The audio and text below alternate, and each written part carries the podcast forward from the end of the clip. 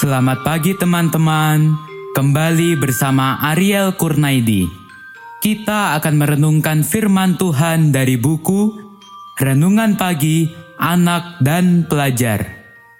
Perjalanan menuju negeri perjanjian Allah yang disusun oleh Pastor Dr. Marolop Sagala. Mari kita awali dengan doa. Bapa di sorga, kami akan belajar firman-Mu. Tolong kami supaya firman-Mu menjadi tuntunan bagi kami hari ini. Dalam nama Tuhan Yesus kami berdoa. Hari ini, tanggal 4 Maret, judul renungan kita, Tolong dirimu sendiri. Ayat hafalan, Mazmur pasal 146 ayat 5. Berbahagialah orang yang mempunyai Allah Yakub sebagai penolong, yang harapannya pada Tuhan Allahnya. Alkitab versi King James Version Beberapa restoran, engkau boleh jadi melihat pernyataan yang berkata, Tolong dirimu sendiri untuk bahagia.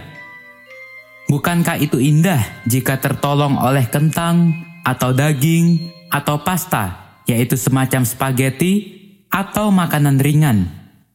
Mungkinkah semuanya itu diperlukan untuk menyediakan kebahagiaan? Sayangnya, tidak satupun restoran yang dapat memenuhi janji itu. Kebahagiaan adalah sesuatu hal yang sukar dipahami. Sebagaimana kita bisa lihat hampir di semua bidang kehidupan. Pengejaran kita akan kebahagiaan boleh jadi mencakup makanan atau hal lainnya. Tapi pada akhirnya, kebahagiaan terus lari dari pemahaman kita. Mengapa? Dalam ukuran yang besar, itu disebabkan bahwa kita cenderung mengejar yang tidak menyentuh keperluan hati kita yang paling dalam. Pengejaran kita boleh jadi bisa menyediakan saat kenikmatan, gangguan, atau kesenangan tapi seruan hati kita pergi tak terdengar. Tangisan untuk pertolongan dan harapan.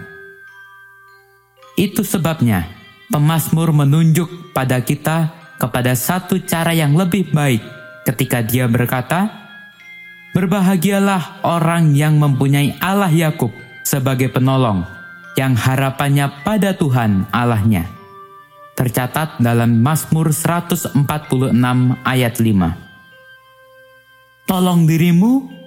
Ya, jika kita mencari kebahagiaan, temukan itu di dalam Tuhan. Itu hanya jika ketika kita percayakan diri kita sendiri kepada Allah dan pemeliharaannya, maka kita bisa mendapatkan kebahagiaan yang kita cari. Pengharapan dan pertolongan kita dapatkan hanya dalam percaya kepadanya. Pelayanan ini dipersembahkan oleh keluarga Pendeta Kurnaidi. Semoga menjadi berkat untuk kita semua.